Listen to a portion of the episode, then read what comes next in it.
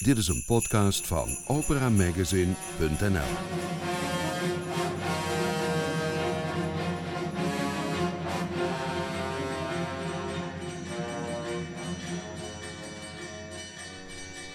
Welkom in Studio Nibelheim.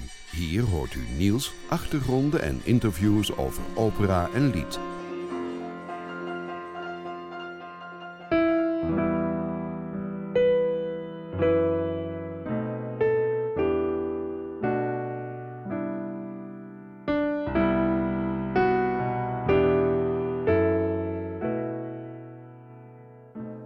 Alexander is this year's special guest on Skype in the Studio Nibelheim Christmas podcast.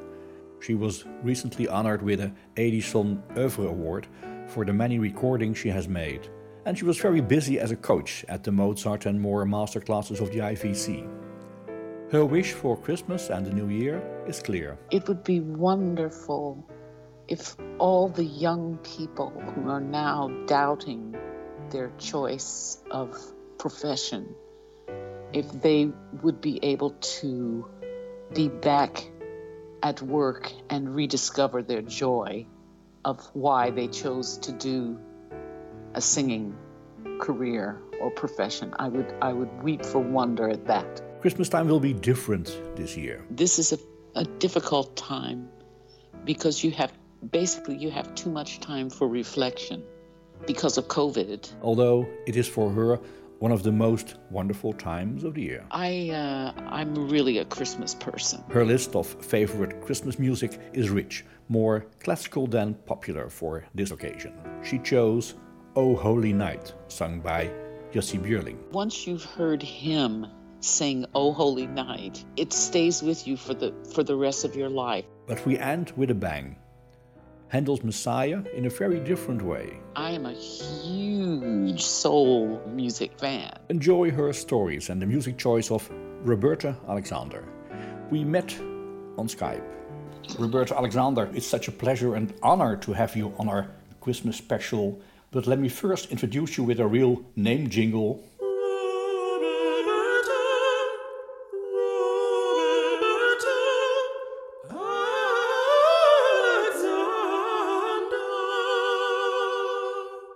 So that's a real name jingle made by countertenor Joël Vuik, who was a student of yours. Uh, he he was actually he was a student of um, Carolyn Carolyn Watkinson in Rotterdam, but I I did work with him often. Um, let me introduce you by my favorite song, which is not on an album that's available at the moment, but it's a song by Samuel Barber. Do you remember you recorded it with the Radio Philharmonic Orchestra? Well, this was the second Barber album that I did for Etc. The first one was um, with piano uh, with Tan Crone, and the second one was Barber orchestrated scenes and songs. So there was no question of whether uh, this particular song was going to be included because, you know, he, it's probably one of the most beautiful songs ever the the entire cycle is is great, but um, he orchestrated them the the songs, so we had to put them on, you know.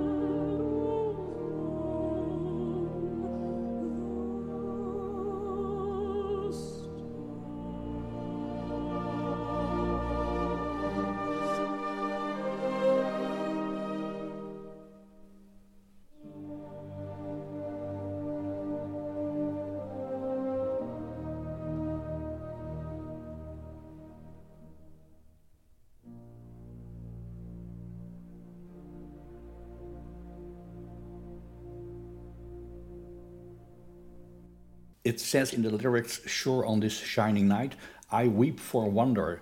In these dark times, what kind of wonders would you wish to happen? Oh, it would be wonderful if all the young people who are now doubting their choice of profession, if they would be able to be back at work and rediscover their joy of why they chose to do a singing career or profession. I would I would weep for wonder at that. A few weeks ago you did a master class in Den Bosch at the IVC about Mozart. What's the most impressive thing that happened there? What do you remember of those very intense days you had there? Um, well, the the main thing for me, what I what I saw actually happen, was the first day when everyone came and presented themselves. There was an aura of almost I, I would call it almost defeatism. Um, most of them hadn't sung in eight or nine months all of their work had been canceled or their uh, they've had maybe some online lessons or coachings, but they were they were very unsure and very it, it was like looking at plants that hadn't had water for a, a good long while. And each day of this course you saw them kind of start to become confident again and enjoy their singing. And it was it was wonderful to see. They rediscovered why they were doing it. And you saw that happen. It was just marvelous what i really would hope is that when we come out of it is that there's still something to go back to. Even if it's not the same as what we're used to there there must be there must be something. But you know how difficult it is to restart things. It's awfully easy to tear things down. That goes real fast. But building things back up can take some time and then there's the, the there's some the money question and fees and uh, whether we really will be safe how long does it take for the for the vaccine to kick in um, we, I think we're going to be doing the distancing thing for a good long while. And then but, we'll back to hopefully something that looks like normal. Yes, yeah. yes, but it'll be a it'll be a new normal. Let's talk about Christmas.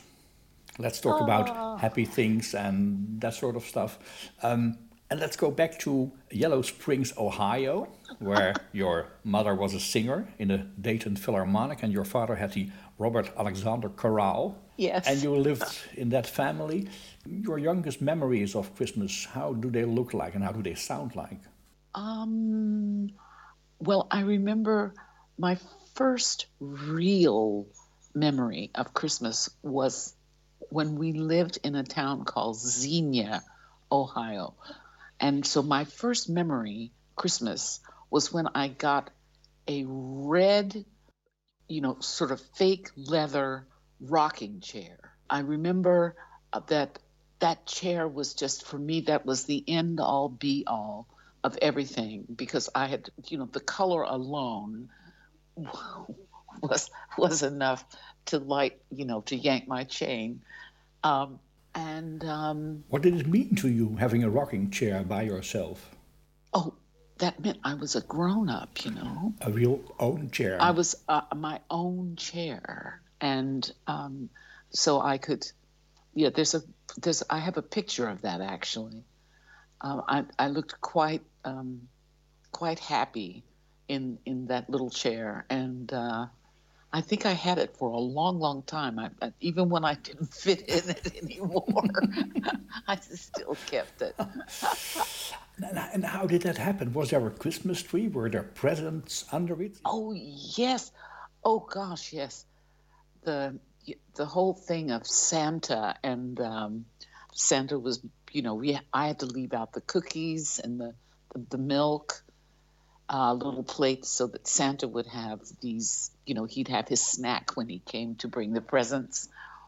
So when I went to bed, when I went to bed, there was nothing under the tree, just the tree and all the decorations. But when I got up in the morning, there were all the presents were under the tree. So my parents had been up probably all night, you know, wrapping them and uh, trying to keep me from waking up too soon. Uh, that happened a, uh, a little later when I was a lot older. Then it became something completely different. But as a as a child, it was just the most magical, you know, night because you you would wake up to see what Santa brought you, and of course you'd always be like really upset. And this I only found out years and years later when Santa would bring you underwear because that's what you actually needed, you know, yeah. as a very practical. As a, practical, but that was always my uh, my grandmother would. it was wrapped as if it was Santa's, you know, idea. So you had to accept that and go ooh ah, and you're like, oh, even as a you know a six or seven year old, you're like, well, I don't know, I don't know about this, but uh, most of the time it was getting a new doll or maybe a uh, a game. Um, when I was a little older, I remember getting my first bicycle, and uh, I think I was about nine then, and um, that was that was quite something because I seemed to have woken up in the middle of the night, and my dad was trying to put the thing together. so my mom was running interference, trying to keep me from getting into the living room where where the tree was, and he was trying to make sure that that the bike was together and under, the, you know, next to the tree because you couldn't put it under the tree. Anyway, that kind of thing. It sounds like a loving family. Yes, we we were we were well. Yeah, I didn't have any brothers and sisters, so it was just my mom and dad and and myself, and uh, that was yeah, we were a unit, and of course that was that was marvelous once I became an adult or a, a much older child, because then of course you know there's no there's no Santa, but the fun that we had sneaking around. And there would always be two people who knew what the other one didn't know. Ah. And trying to keep the secret until Christmas morning.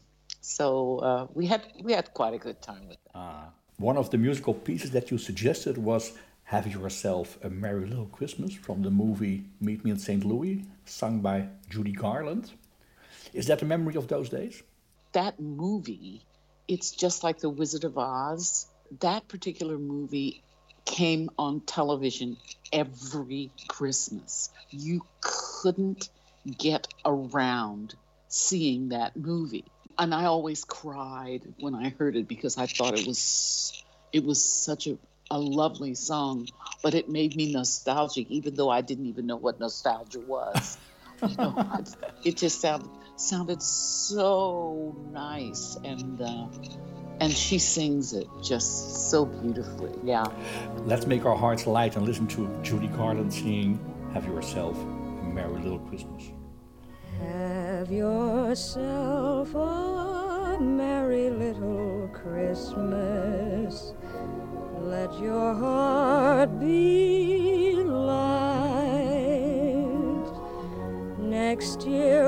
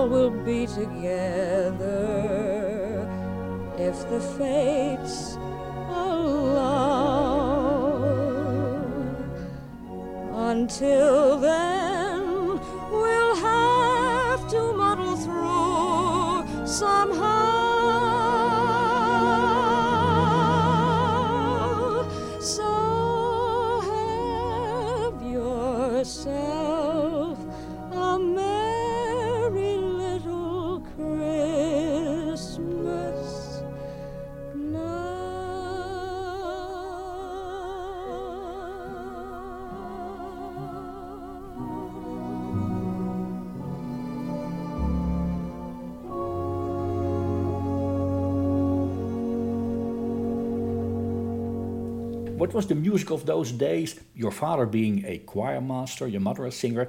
Was there music all the time in that house in uh, in Xenia? Well, I don't think we lived there that long.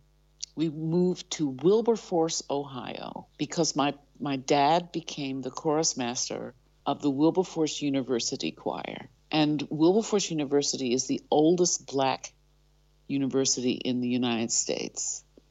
And it is also a university which is subsidized by the AME Church, so African Methodist Episcopal Church. Ah, One of the most important things um, was the, the church music, what you sang there. And of course, well, every year the Messiah, right? Every single one you, that you couldn't get out from under from under that.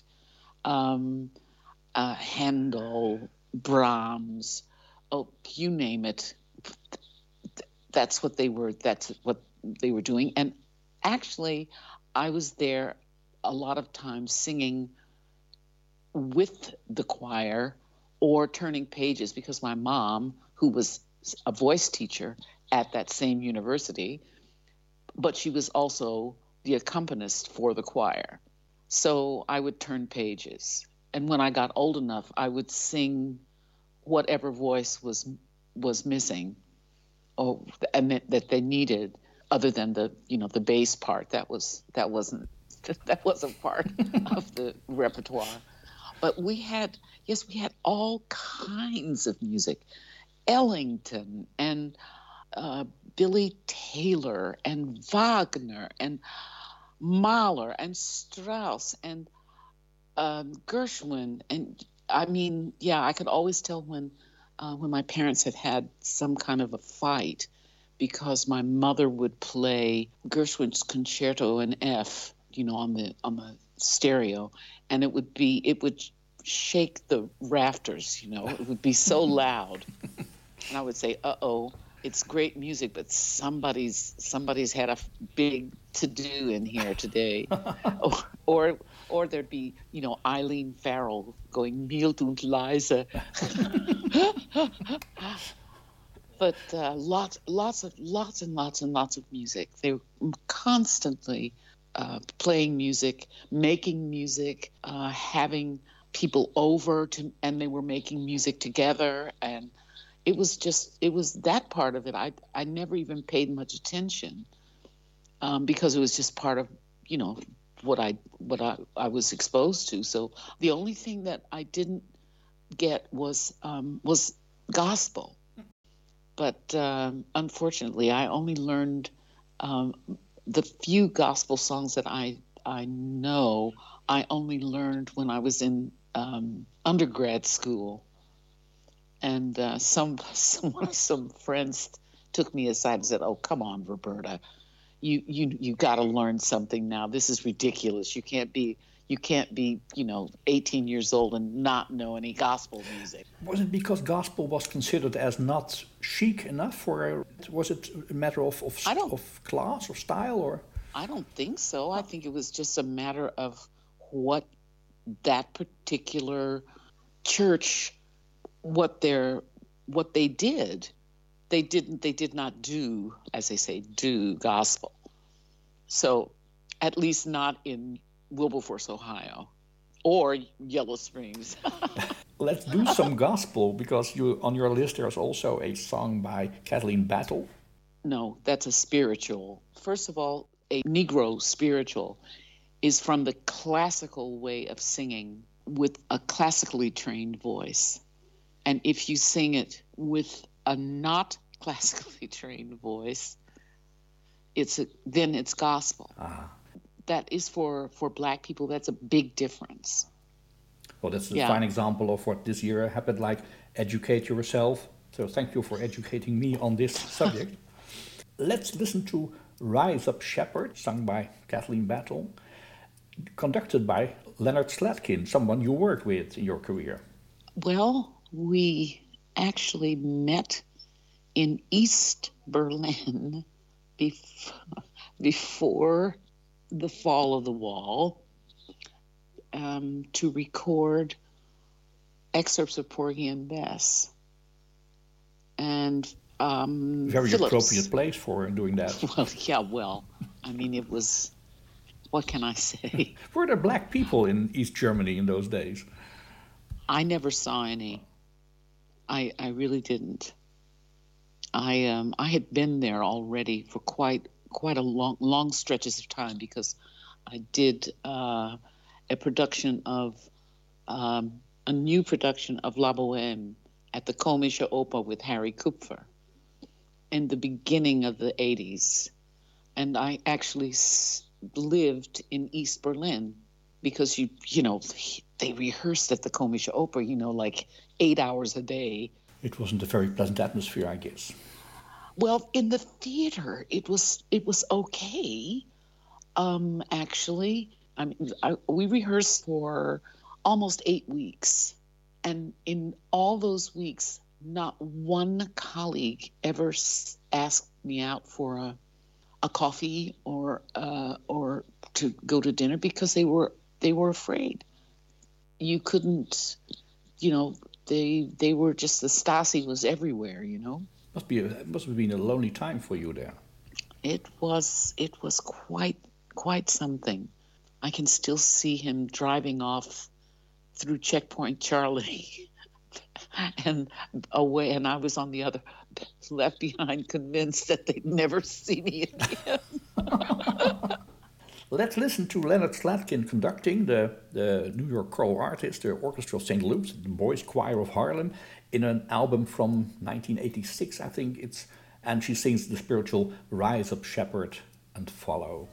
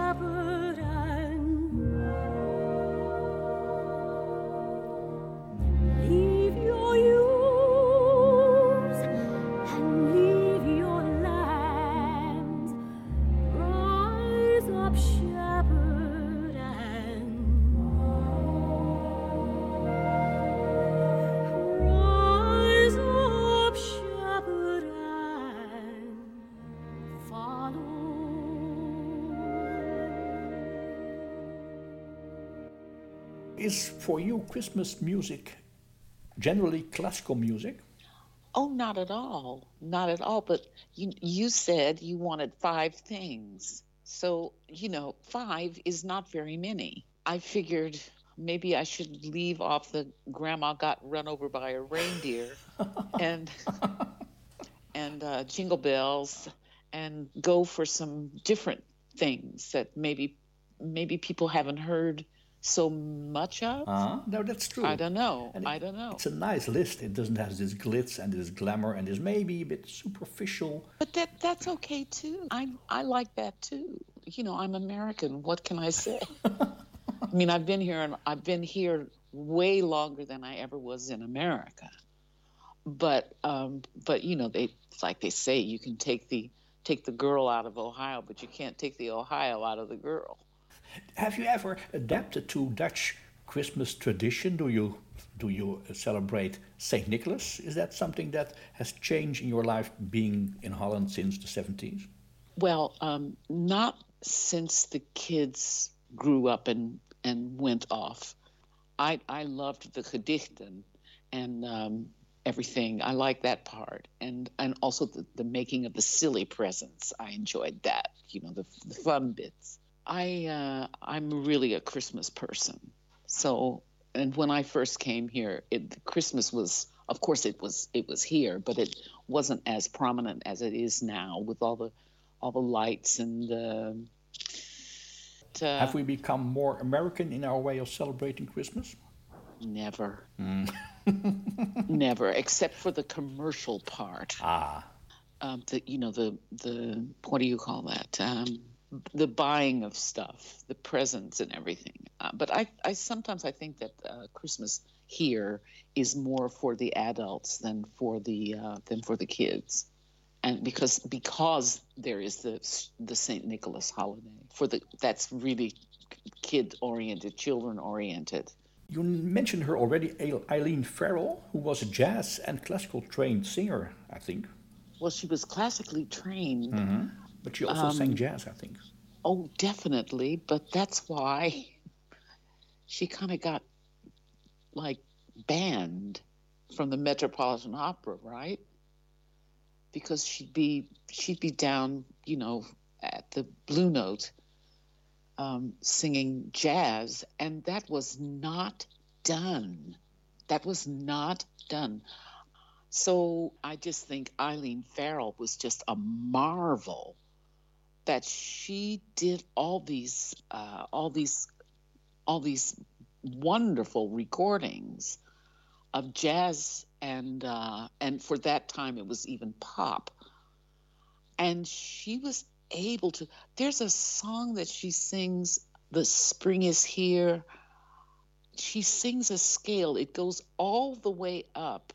You never hear a register break never the whole scale and it's like a it's it's over two registers at least you weep at the actual expertise of being able to do something like that Let's take some time listening to the Coventry Carol from a, an album called Under the Christmas Tree, which Eileen Farrell made in 1960 with the Luther Henderson Orchestra. The Coventry Carol. Lolly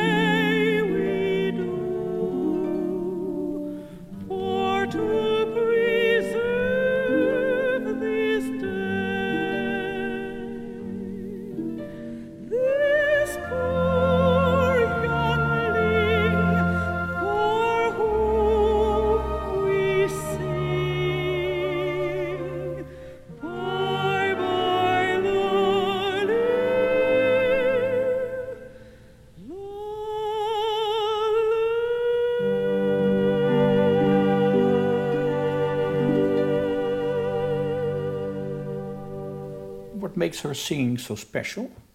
First, first of all, she has spectacular diction, uh, which is something for, um, especially for sopranos, is difficult because we're not singing in our speaking voice range, but in a different register. So um, very often it's um, distorted, the vowels and everything. And also just the simplicity with which she just sings it. She, there's nothing is added, nothing, it's not super duper um, over emotional. It's just sing the song and tell the story. You mentioned Messiah. Is it still part of your every year Christmas experience?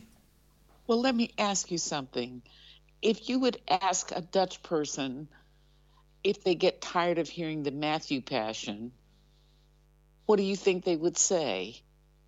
Some people go two or three times every Easter to St. Matthew's Passion, as I do. How how could it? How could you be tired of hearing Handel? That's the first thing. You know, that's like that's like the sun coming out. It's fantastic music. At Christmas time, you have these sing-along messiahs, and now you do. You'd you'd hear it every year, at least two or three times. It was on television. That every church had one. The high schools were doing it. Um, the universities were doing it. It was on the car radio. You could not get from out from under hearing the Messiah. And that's still not a Dutch tradition up till now. Is it still something that's played every now and then around Christmas? But it's not like in America, this very important piece of music. No, no, no. But it's it's just like in, in America, the Matthew Passion isn't mm. isn't done yet either. Yet, yet, yet. You chose a recording of uh, "Rejoice Greatly." Sung by Janine De Bique, who we know in Holland from her appearances at the Dutch National Opera. She, she sang Aida in Caruso in Cuba, and she did Annio in La Clemenza di Tito in 2018 yes. with the Currentzis and Sellars. Um, with the Chineke Orchestra, it's a very fast way of singing. It's a very high tempo. Very fast, very, very, very fast. I, I adore it. You know that she was a finalist in Den Bosch that's where I first heard her. She was she was very special then. But this was this was a tempo. I said, well, how how could anyone move their voice around that fast? And then she even tucks in those ornaments. It's just breathtakingly wonderful. Let's listen to Janine De Bique uh, recording of the BBC Proms in the summer of 2017 with the Chineke Orchestra um, Rejoice Greatly from the Messiah.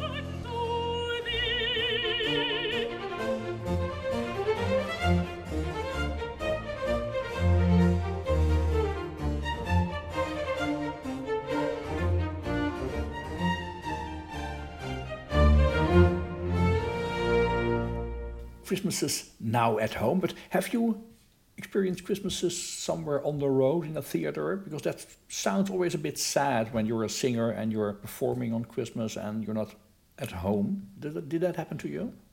Oh, yeah. One of them, I was in New York.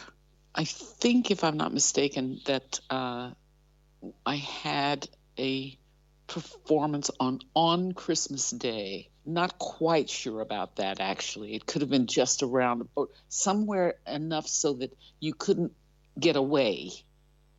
You know, there wasn't enough time to to to fly somewhere else. But the best part about that is that there's always someone in your cast who takes everybody in you know or you all get together and you you make your own uh, christmas um, day uh, for each other when you're on on the road. So you're you're never really alone. Uh, hopefully that you have you know nice enough colleagues to do that with. But i remember having christmas yes my parents came and the kids came and Siba came from uh, Holland, and so we all converged in that in that oh gosh, that apartment on um, it was like on West End Avenue or something, way way up high, like on the twenty fifth floor, and it had a painting on the wall that reminded you of the Bates Motel. um, the view was fabulous, but um, but we had it was hilarious uh, because there wasn't a lot of uh, gezelligheid. You know, there wasn't a lot of coziness. So we had the TV. We found a, a, a station that showed a fireplace with logs and we had a, a, a, tiny fake tree with all kind with you know the lights and the things that, and all the presents underneath. So and we had turkey dinner um, with cranberry sauce and the the whole nine yards. Mm. So what is for you nowadays in this year 2020 uh, the core of christmas thing that you most feel about? Uh, this is a difficult time because you have basically you have too much time for reflection because of covid. So you start to think about uh, or it could also just be because i'm you know old but you start to think about when the way things used to be. Um, I personally am uh, missing the contact with the kids and the grandkids quite a lot. Um, and there doesn't seem to be any solution to that because there are too many of them, so we couldn't have them here. So I think we, only being two people, can probably go there. But then do you do that? So I think I'm just getting to the point where I'm thinking, okay, then let's make this a really nice Christmas for the two of us and see how this works out. Even though, because last year, I mean, of course, you think about last year, we were here with, you know, 10, 12 people for, for Christmas dinner.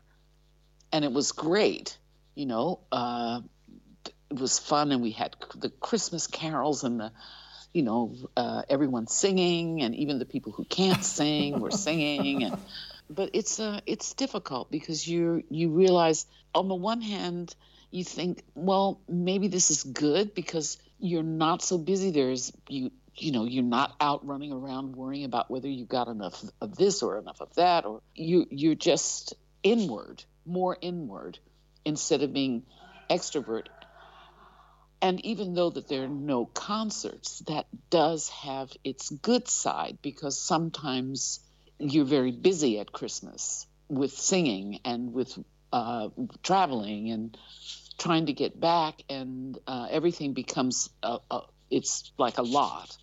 And this year everything is just slowed down. So i would i would need a little bit more time to think about answering that question. I could probably tell you better next christmas but then it's too late, huh? Again, with 10 or 12 people singing without any limits, hopefully. without without any limits, and yeah. Unlimited singing. I was thinking when you said that Jussi Björling, you chose Oh Holy Night. Why did you choose Jussi Björling? Because he's not someone who's been played on the radio every week now nowadays. No, but once you've heard him sing "Oh Holy Night," you don't you it stays with you for the for the rest of your life. Somebody played played that for me on an LP. I I I think it was an LP, and it was like in the early 70s and they said you've got to hear this you know that's what we were we were always doing that have you heard this and of course i i being a huge corelli fan was sort of like okay you know all right well let me hear what this is and i was completely transformed and transfixed and the way he goes, he sails right up to that last, I think it's a B flat. It's just, oh, heaven. Let's go to heaven for a few minutes by listening to Jussi Björling singing Oh Holy Night in Swedish.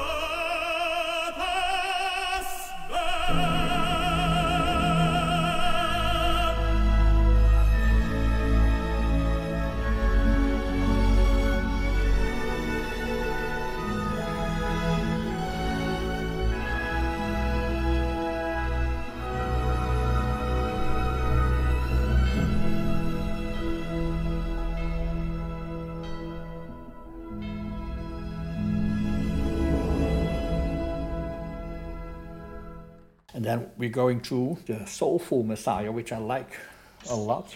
My dad was the person who introduced me to to this recording. He said, "You've just got to hear this." it was released in 1992. And, and your dad was the person who yeah he's the one he he had the cd and and um, i think they were here for christmas and he brought it with him and he said you've got to hear he loved this more than anything he would just be grinning from ear to ear it was so different than all those church service hallelujah chorus because we're talking about a soulful uh, messiah made in the yes. beginning 90s under direction of Quincy Jones, who did the orchestra. And there were all kinds of famous singers in the choir, like Chaka Khan, Gladys Knight, Fun. Al Jarreau, Phylicia Rashad. Take Six are, is on them, uh, and, and, and Joe Sample and Stephanie Mills and Edwin Hawkins even. When do you remember when your father uh, brought you this album? How did you react? Wasn't it too frivolous, too too, too I wild? Loved, no, of course not. No, I mean, I am a huge soul uh, music fan. So all these people that you just named, I swear you can hear Chaka Khan um, having the biggest voice. I, it is a pretty sizable instrument, and uh, no, I'm a huge fan of of uh, soul music, and I, especially the people who have real voices, like Aretha and Whitney Houston, um, uh, Gladys Knight, Chaka Khan. These girls, they they really had some pipes. Anytime somebody sings well in whatever genre, I'm all in for that.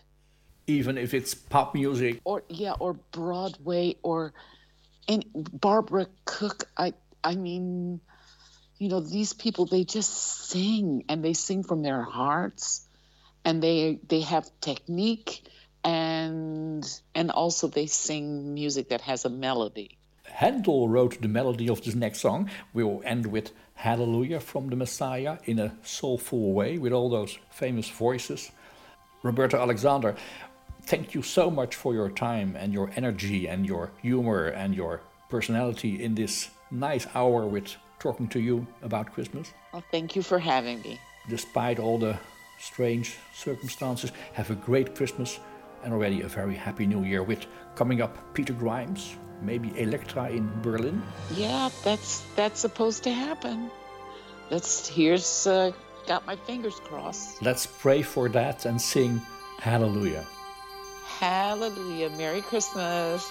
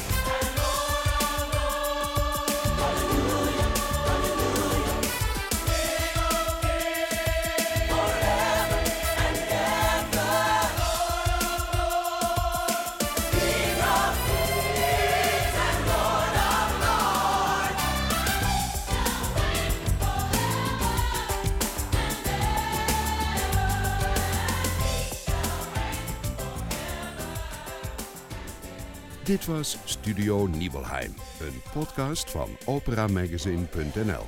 Productie François van den Anker. Kijk voor al het opera nieuws op www.operamagazine.nl.